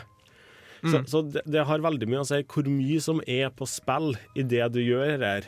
Og nettopp uh, strukturen på det du utforsker, er kanskje ikke så mye effekt på akkurat, Jeg Har ikke så mye konsekvens på om du lykkes eller ikke. Nei. Så derfor er det gjerne litt uh, bedre enn andre typer tilfeldighet. Altså jeg må si Det første jeg tenker på når vi snakker om sånn prosedyregenerert eh, eller det blir- altså procedure generation er Minecraft. Ja, selvfølgelig! de, de spillene som på en måte er best på det. Og jeg må si jeg elsker Minecraft derfor. Yeah. Mm. Uh, fordi jeg bare elsker følelsen av på en måte å gå over en haug, og så ser jeg noe som ingen har sett før. Og, man kan, og det er liksom vi kan spille spille i 1000 år, og det kan være 10 milliarder mennesker som spiller det, men ingen kommer noensinne til å spille i samme verden som meg. Og det er helt amazing. Og det er liksom Ja. eh, Man har jo en litt sånn tullete tittel i, eh, i den VR-sendingen. Sånn født for, født, født for sent til å utforske verden, født for tidlig til å utforske universet. Men det, det er en genuin ting som gjør meg veldig trist. Sånn, det er liksom mine store sorger i livet. Nå tuller jeg ikke engang. Det er det at, uh, at jeg, det, er så, det er så lite igjen å utforske. Nå, det er sikkert, altså, hvis jeg ble født på 1800-tallet, er det sikkert liksom ikke dratt til Amazonas heller. Fordi det liksom, man dør av malaria. Sånn. Men muligheten har vært der. Muligheten har i det minste vært der. Og det er, liksom, det er en ting som gjør meg trist. Um, men dette er på en måte den muligheten vi har, da. Til å Minecraft, utforske. Ja, ja. Og det er liksom Det er ikke helt det samme, men det får duge. For det er liksom den ene måten vi har å se noe som ingen har sett før. Og det gir meg et kick, altså. Og så når du også lyst til å vite mer om prosedyrgenererte nivåer, eller rogelikes, eller rogelike lights, eller hva det heter, så er det bare å høre mer på Nerdeprat nummer fire. Nummer fire, ja. Uh, rogelikes and Lights. eh, der blant annet Jeg tror det var du, Anders, som første gang laga første programbilde. Der du har photoshoppa inn Jens Erik som Big Boss. Passende, må jeg si! Med kule nye venner. Og så har du Barney the Dinosaur i bakgrunnen, og så Bård som driver på og sier yeah på sida. Ja, stemmer det. Se, hvis dere ikke ser på episoden, se for bildet. For det, det, det er magisk. Tyskland.no slash radio eller radiorevolt.no. det, det er òg den episoden der jeg spilte Dwarf Fortress for første gang. Eh, noe som fortsatt jeg har mentale arr etter. Så hvis du har tida, så hør på det absolutt. Men så, altså, Jeg har aldri fått til Dwarf Fortress, men den genereringen der er så utrolig amazing. For den, den altså, Ikke bare genererer de en verden, de genererer en historie. Og de liksom genererer folk som går rundt i denne verden, og det skapes religioner, og det skapes Og det er bare så ja, Og alle har navn og relasjoner navn med og- hverandre og sånn. Men jeg tenker at det kanskje er på tide at vi genererer neste del av sendinga. oh. Oi! Trunch. Ja, så da må vi trille. Ah, da må vi Ja. skru musikken. Ok. Altså, hva, da står det mellom eh, hva vi har spilt siden sist, og eh, Mystery Chamber. ja. All right. Da skal, skal jeg bare rulle. Å ja, før vi ruller vesen, ny fun fact. Um, sjansen for at du, Anders, eller for så vidt noen, noen andre her i rommet, eh, kommer til å date en supermodell, er én i 88 000. Og mens dere tenker på det, så skal vi nemlig trekke et nytt tall med en ny passende jingle. Så here we go.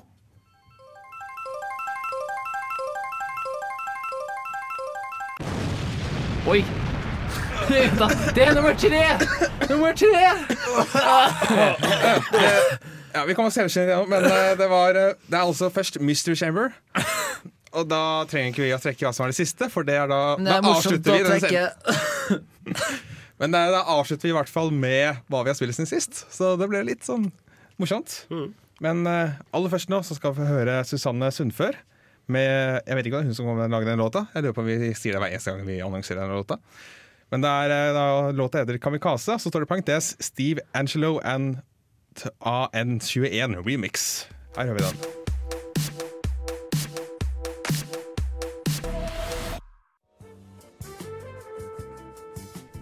Forskning påviser at ti av ti italienske rørleggere blir tilfredsstilt av nerdeprat på Radio Revolt.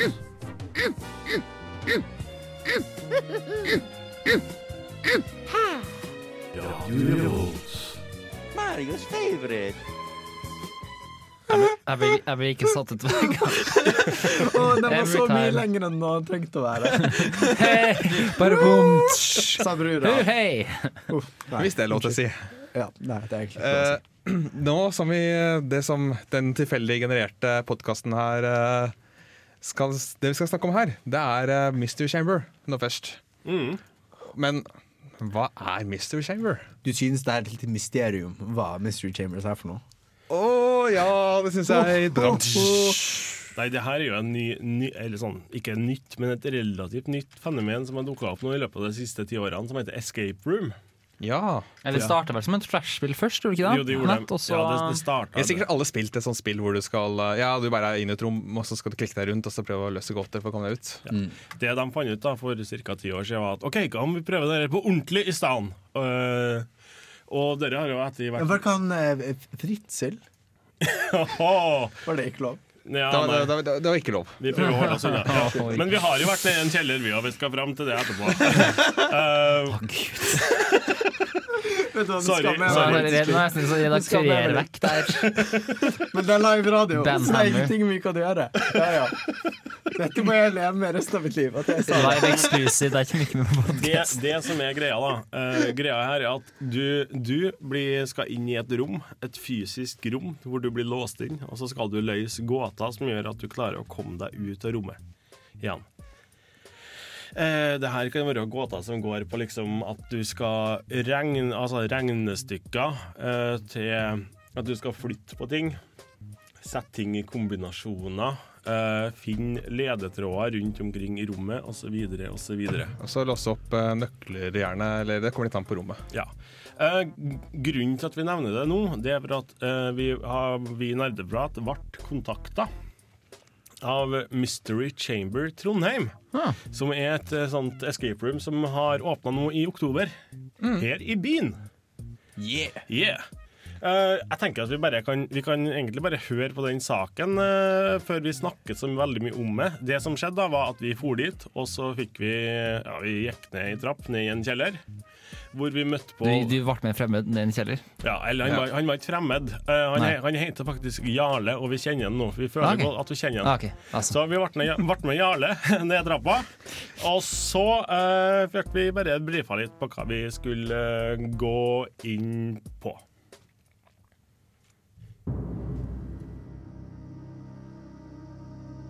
Før vi får lov til å gå inn i rommet, så blir vi forklart konseptet. Altså, vi spiller på munken i Nidarosdomen. Det er et tema som har gått igjen. Det var et spøkelsesmunk som ble observert på 20-tallet på 60-tallet. Og typisk har vært borte siden, og ingen vet hvorfor, ingen vet hva som skjedde. Um, så etter lang, altså en gjentatte undersøkelser så vi da klart å finne hans mytiske arbeidskammer gjemt her i en kjeller i Søndre gate. Og så har dere da typisk 60 minutter til å komme dere ut og kanskje oppdage da hemmeligheten til Idet vi går inn i rommet, så må vi orientere oss og se hva det er vi har tilgjengelig. Det er et skrivebord her, som er skuffa? Ja, det er den der. Den er låst i alle skuffer. Bokhyllen. Her er det en bokhylle. Og det er en krukke med en skroll. Vi har tre bøker. Vi har Nytestamentet, vi har Salmboken, og vi har Koralboken. Kan det være at alt skal brukes? Det kan være en blå lås du skal fram til. Så du finner finner det som veier, slik at den går i null. Og nevner er på helt bærtøy, det er typisk her. Ja, men det er jo en farge der, og det bør jo Har du sjekka hele, hele vekta? Har du sjekka under vekta, om det står noe under vekta? Jeg fant to batterier for de som ikke fikk med seg det. Munken har lagt igjen brev til oss. Mitt navn er Munch, 87 år gammel. Skatten har gitt meg en indre kraft. Jeg er gammel, men min livskraft er sterkere enn noen gang. Jeg lurer på om skatten kanskje er livskraften fra Gud selv. Skatten er trygg, gjemt på samme sted, her på Nidarholm. Tida går utrolig fort inn her. Ok, vi har fire minutter. Fire? Fire minutter. Stopp nå. Det er ganske mye vi ikke har løst her. Ja. Vi begynner å bli desperat. Nei, men hva vet du om onkelen, da? Tenk, tenk på det, sant? Eh, Liker ikke dansk. De tyske og. Hvorfor er det da? Det er spesielt den tysk her. Og før vi vet ordet av det, Eh, Hva var sin... Hva var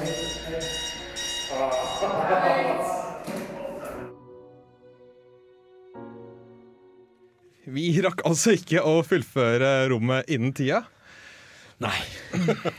Men eh, det var fortsatt gøy. Det var utrolig moro. Jeg hadde, jeg hadde skikkelig gøy. Og det er liksom det kicket av liksom Vent litt, hva hvis du gjør sånn?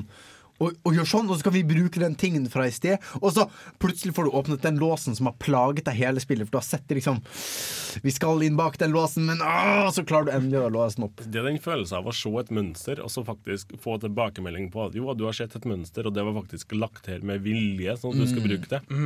Jeg er smart. tenker jeg. Ja, det er all the time! Ja, men Det er kjempegodt å få sånn, bare sånn direkte tilbakemelding med en gang. Ja, du, får, sånn, du får den fysiske sånn tjunk, at liksom låsen går opp. For Det er veldig mange sånne hengelåser med koder og sånn som man sånn tjunk. Men dere, dere hadde funnet et brev, og så med en gang etterpå så hadde dere veldig lite tid igjen. Føler dere liksom at dere hadde for dårlig tid? Hvis dere skulle ha prøvd å ha som mål da, og gått gjennom hele greia, okay, vil vil dere tro at det hadde ødelagt opplevelsen? Det som skjedde nå, uh, var jo at, jeg, uh, at dette er jo bare klipp ifra når vi var der. Jeg tok meg en lydopptaker inn og bare hørte på og bare tok opp hele vårt eventyr innpå her. Eh, og når jeg fulgte gjennom det, så da hørte jeg at vi brukte jo veldig lang tid på enkelte av gåtene. Vi var Mhm. utrolig ineffektive. Men eh, mens vi sto oppi det, så var det sånn OK, Andreas, du gjør det. Torben. Åse Maren. Hanna. Gå, gå gjør det, det, det, det. Så tar jeg og sjekker under stolene her sånn. Og så bare Nå har det gått en halvtime, folkens. det er bare sånn Altså, Du har jo ei klokke som henger på veggen som viser deg hele tida hvor lang tid du bruker, men du har jo ikke tida til å se på den. Sant? Så du bare ha, ha, 'Jeg må løse den, jeg må løse den, jeg må løse den.' Hvor langt ute er vi nå? 20 Og så bare, «Åh!» Vi var nok litt trege til å komme i gang. Med en gang man kommer inn i en flyt, så går det mye mye fortere. Og så lærer man Mm. litt sånn Det er jo, slakt, altså det er jo mennesker som har laget det. Man, måtte skjønne litt etter hvert hvordan de har på en måte strukturert det, hvor de har lagt gåter. Hva slags type ting man må gjøre for å avsløre gåtene. på en måte Hvordan de gjemmer ting. og sånn Så man blir på en måte flinkere og flinkere i løpet av spillet. da Så man føler liksom man får et sånn momentum. da Ja. Og vi, vi var jo der uh, Vi var jo der nå forrige torsdag, var vi. Ja. Og de hadde vel sin første åpningsdag nå på fredagen, altså forrige fredag. Så vi var liksom bare helt i, på tampen før de åpna for the general public. var- VIP invitation. vi var litt før de vanlige plebianerne. Peasants. Men det betyr at du, ja du som hører på, kan Nei. gå til Mystery Chambers eh, Trondheim. Eller skal jeg Jeg har, jeg har, jeg har en sånn prisliste og sånn. Altså fordi Du kan gå inn på eh, facebook.com slash mysterychambers. Eh, da finner du Mystery Chambers Trondheim.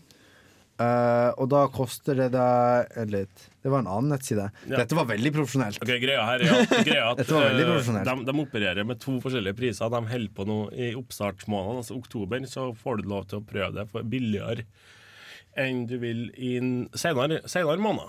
Ja. Og så er det sånn, jo flere venner du tar med deg, så eh, jo billigere blir det. Og hvis du er Per person? Ja, per person blir det billigere. Og hvis du er student, og det er du gjerne, eh, så eh, får du det enda billigere. Vi er alle studenter ved livets skole, men jeg tror Ja, de krever studiebevis. Søren ja, Og jeg vet Ser du det- disse arrene? Det er studiehuset mitt. Livets skole! Yes.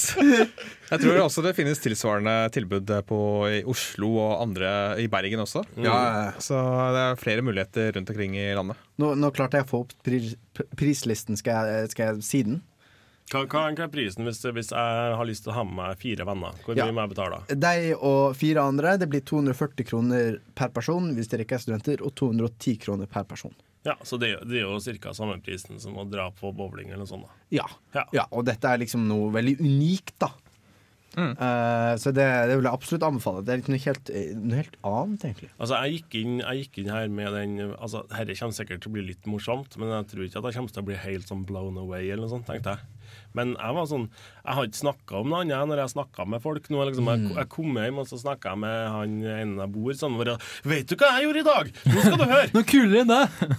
ja, det blir mer morsomt enn deg. Peasant. Nei da. Det, var- det var ikke sånn, men jeg, måtte, jeg bare følte at de herre måtte jeg bare få ut av meg og bare fortelle om hva det egentlig var jeg har gjort, for det var så morsomt. Ja, for jeg var også sånn for eksempel, eh, Kjæresten min spurte seg var det gøy i dag. Og så sier jeg liksom sånn på automat sånn ja, ja. Og så bare Vent litt! Ja, den det er dritbra! Liksom. Bare sa på automatspill og sånn. Ja, ja. Men det var liksom, jeg måtte liksom hente meg inn i det. Det var, det var dritgøy. Det var liksom mye bedre enn jeg hadde trodd, egentlig. Og jeg hadde egentlig ganske OK forventninger. Og så var det veldig sosialt, fordi du gjør det sammen med dine kompiser. Så dropp bowling. Det har du gjort før. Dette har du mest sannsynlig ikke gjort før. Men kan du gjøre det flere ganger? Samme Mystery Room. Nei Det, det spørs hvor dårlig du er. Eh, Lars Andresen har nå, prøver nå den, den, sin 50. gang på å se Trondheims Mystery Room. nei, nei, det er jo ikke sånn, men altså, hvis du først har fullført et rom, eh, så, så tror jeg det er vanskelig å bare prøve det igjen. eh, Og være aktiv deltakende på det samme rommet igjen. Altså, det Men var, de- det var veldig mange gåter. Jeg, jeg husker i hvert fall ikke på alt vi gjorde. Men jeg tror straks jeg havner i den samme settingen, så kommer jeg til å huske veldig mye av det vi gjorde. Ja. Så jeg tror ikke det er noen som egner seg å ta det samme rommet om og om igjen, men eh, de vil jo gjerne utvide tilbudet sitt med flere rom. Og jeg tror det er også en annen Det er ikke bare Mystery Chamber her, tror jeg, men det er også en annen som holder på å etablere seg. Ja, så det er, det, jeg tror det er to her i Trondheim, og så er det andre, andre steder hvis du Hvis du er Trondheim-student, drar hjem til Oslo for eksempel øh, i julen, så er det noen Mystery Chambers der. Så det er på en måte hvis du først blir bitt av basillen, så tror jeg det finnes ting du kan gjøre. Altså Hvis du er interessert i å finne ut hvor det er, så er det bare å google 'escape room' pluss en by, og så får du opp en liste over alle escape rooms som finnes der. Ja. Så det vil jeg faktisk anbefale folk til å gjøre. Sjekk det ut. Absolutt. absolutt Og eh, nå har Jens det Det er litt rart at vi skal avslutte sendinga med hva vi har spilt siden sist. Men eh, det er sånn det er når vi tar litt tilfeldig rekkefølge. Her skal vi få Silver Sun Pickups med låta 'Circadian Ribbon'.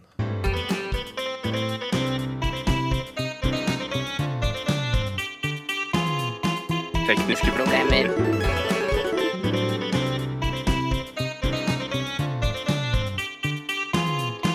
Tekniske problemer.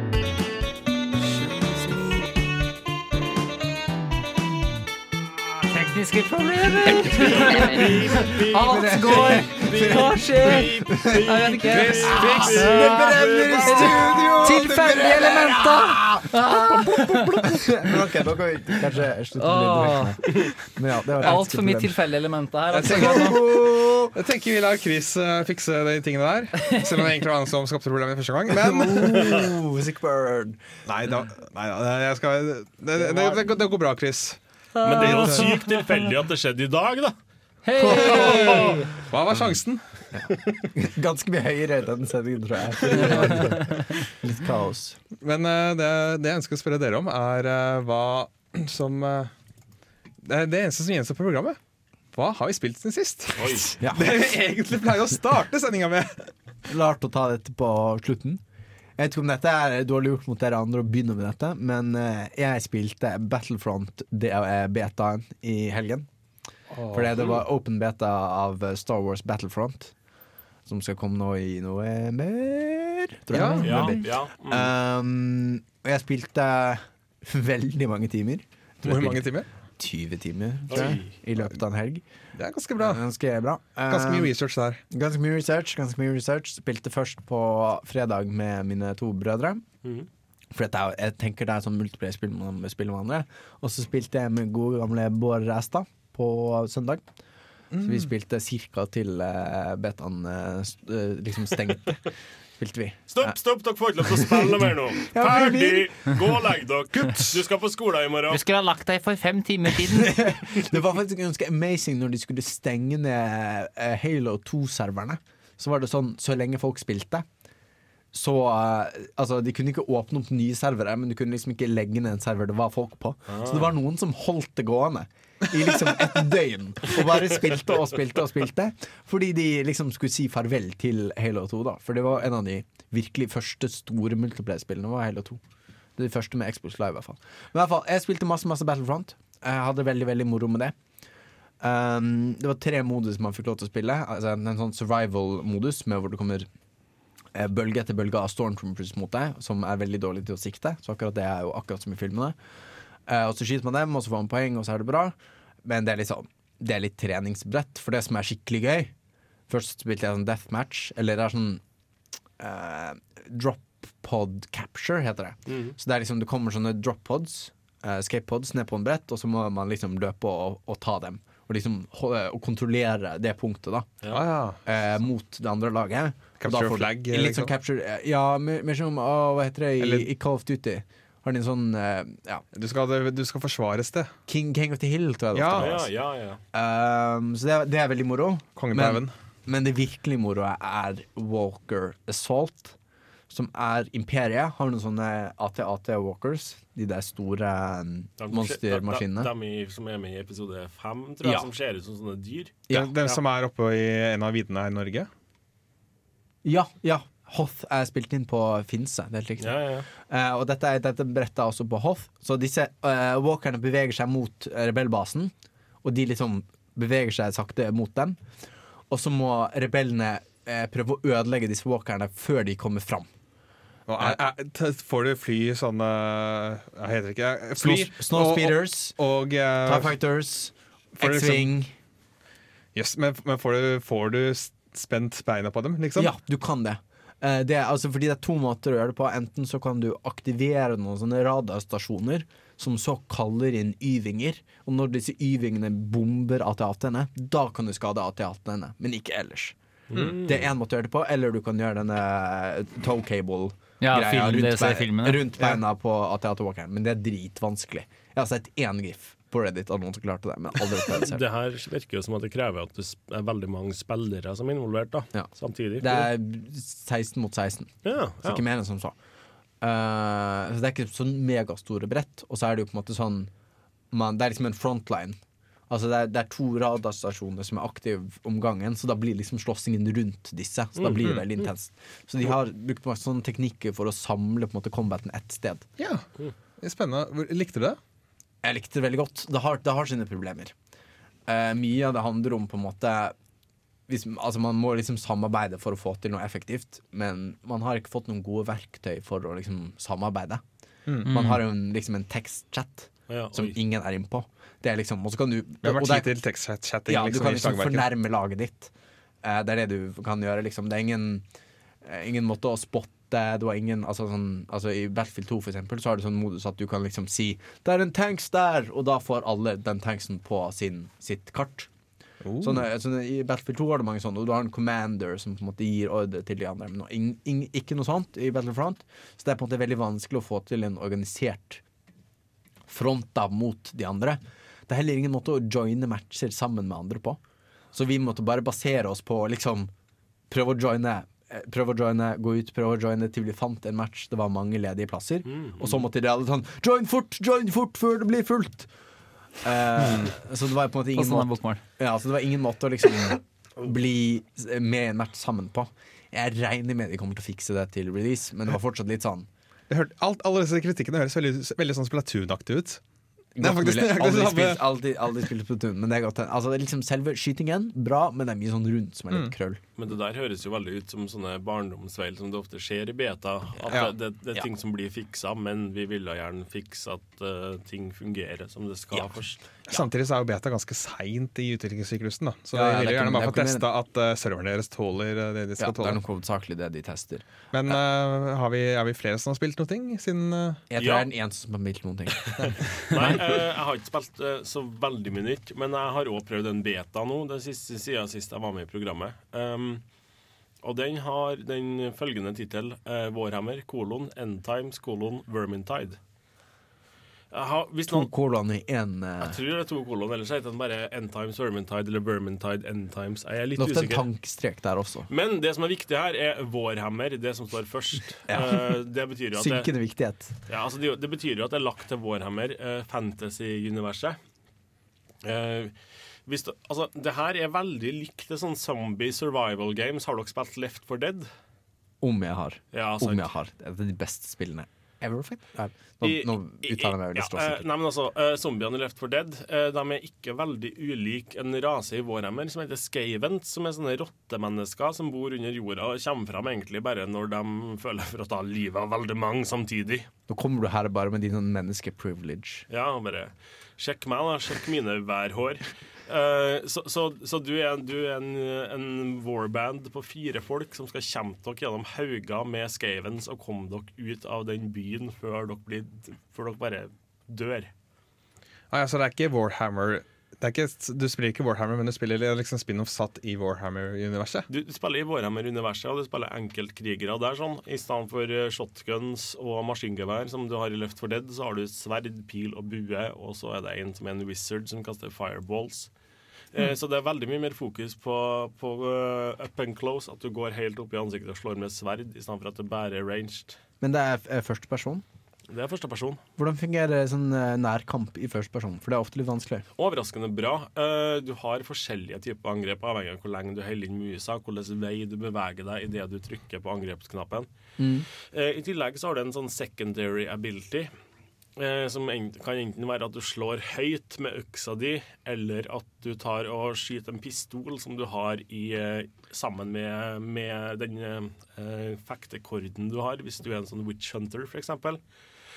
Eh, og så har du òg en tredje mulighet til å blokkere. Mm. Og hvis du blokkerer og trykker skyt samtidig, så skubber du dem unna idet du blokkerer og sånne ting. da. Eh, så det, det fungerte overraskende bra. Du, du fikk lyst til å spille mer av det? Åh, du, jeg gleder meg sånn. Eh, spillet har jo gått inn i en ny beta nå snart, hvis du har forhåndsbestilt det. Og så tror jeg det blir tilgjengelig sånn i slutten av oktober på, på Steam. Mm. Så, så hvis du òg går rundt og er litt sånn Det kribler litt i magen fortsatt for at du har ikke helt vært tilfredsstilt eller Left for Dead-behovet ditt lenger, så vil jeg anbefale å prøve Vermintide. Det har jo items i tillegg som, som Left for Dead ikke har, Mm. eh, og levels og litt sånne ting. Så det er jo litt, sånn, litt mer RPG-elementer, men det er absolutt Å, herregud, hvor gira jeg ble av å spille. Mm.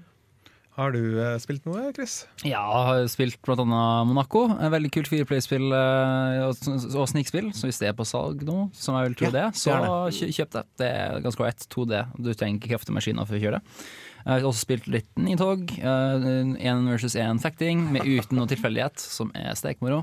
Og så det som jeg har spilt eh, Det nyeste jeg har spilt, som jeg ikke har spilt før, er Antichamber. eh, Som er et spill som ga meg så mye hodepine når jeg på når jeg på fredag har kommet hjem og har gjort ferdig statistikkting, og så er jeg sånn yes, endelig helg, og så sier Tord, han som var med på forrige sending, eh, sa hei, du må prøve ut eh, Antichamber. Jeg bare OK!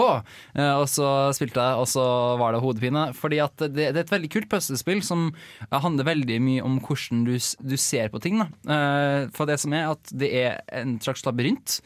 Og du skal bare prøve å finne deg fram i den labyrinten, rett og slett. Bare for å virkelig forenkle. Det som er at Hvis du går inn i et rom, og så går du tilbake der du kom fra, så det er ikke gitt at du kommer tilbake til der du kom fra. Du kan havne i et nytt rom. Eller du kan eh, Eller du har at du plutselig så ser det ut som at det er et langt uh, gap nedover, der du kan bare dette ned. Men du kan gå over det. Men hvis du trykker jump, så plutselig detter du ned der. Og så, og så går du litt rundt, da, og så er det masse forvirrende, og så går du tilbake, og så kjenner du ikke der du kom tilbake fra, og så plutselig så er du på starten igjen, og du tenker bare 'hvordan i helvete kommer jeg tilbake hit?' Og så går du rundt venstre og høyre, og så er det i tillegg da, det verste med hele spillet så langt, er at det er en timer som tikker ned da, i den starthuben. Og det står ikke liksom, hva han teller ned til. Den bare teller ned. Så liksom, Teller ned til game over. Teller ned til jeg har faktisk er ferdig med spillet. Hva er den teller ned til? I don't understand. Apropos timere som eh, tikker nedover. Hva har du spilt i det siste, Torben? Eh, det er veldig bra og overgang. for oh, timer. eh, ja. Nei. Nei. Ok. Ja, ja, jeg er liksom timer eh. Ja, ja, jeg vet ikke. Tiden Nei, fordi- går tom. Fordi navnet ditt begynner på T. liksom Jeg stilte deg et spørsmål, Torben. Hva har jeg spilt siden sist? Jeg har spilt litt The Beginner's Guide, men det vil jeg gjerne snakke om en gang hvor jeg har mer tid. faktisk Fordi det er et eh, interessant spill å snakke om. Det er- jeg kan jo bare anbefale folk å sjekke det ut hvis du er litt interessert i eh, liksom det kreative. Ja, for det, er- det er å lage ting. samme folk som Eller noen av de samme som The Stanley Parable. Stemmer. Det er litt, er litt samme sånn metakommentar Mm, på spill. ikke Liksom. i like stor grad. Okay. Det er mer om uh, kreative skap skaperverk generelt. Mm. Mm. Ja, kanskje ta en titt på det. da. Så det vil jeg anbefale folk. Og ellers så har jeg spilt eh, Jeg har tapt eh, mot Chris i Nidhogg. Én versus én, eh, ikke noe tilfeldighet. Har spilt litt for mye. Jeg husker har husker de jeg landene hvor vi spilte i Nidhogg. Det er helt vilt. Jeg tror det er, jeg jeg har fem minutter klokka inn på det på Steam, totalt. Fem? Mm. fem minutter. Ja. Jeg skal Men vet du hva, vi, har dere tid etterpå? For jeg har lyst til å gå og spille Nidhogg. Oh, Vi får se. Nidhogg nach. Ja, det er konsept. Ellers har jeg spilt Monaco med Chris og Hei! vært veldig fin. Vært sånn grei partner, liksom. Nei, det, det, det var oftest liksom, Jeg tenkte liksom Nå er det Torbjørn kjente å fucke opp, men som oftest var det jeg som var cocky. Bare sånn Hei, nå skal jeg vise meg fram! Og så ser en vakt meg, og så alle som Shit, det er folk her! Og så kjenner jeg sånn tusen folk, plaffer meg ned, så jeg ligger død, ikke sant? Og så må Torbjørn etterpå komme og plukke meg opp og bare sette meg sammen igjen, og så gå videre. litt mer safe der. Lapp sammen kryss da, Torben. Surgeon Simulator, liksom. Jeg har, eh, går nesten tom for tid, så vi er i gang med å avslutte. Helt.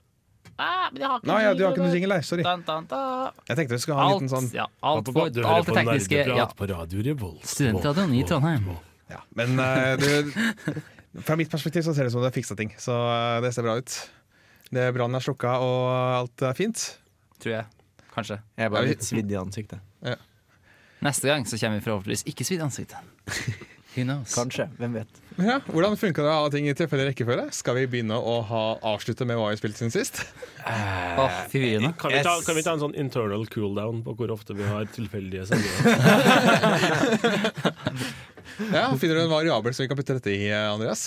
Det, jeg, skal- det skal jeg nok klare. Ja, vi vurderer det senere. Uh, Det verste er vi, vi må tenke oss litt om. Det tror- verste er at jeg faktisk skal gjøre en statistikkøving senere i kveld.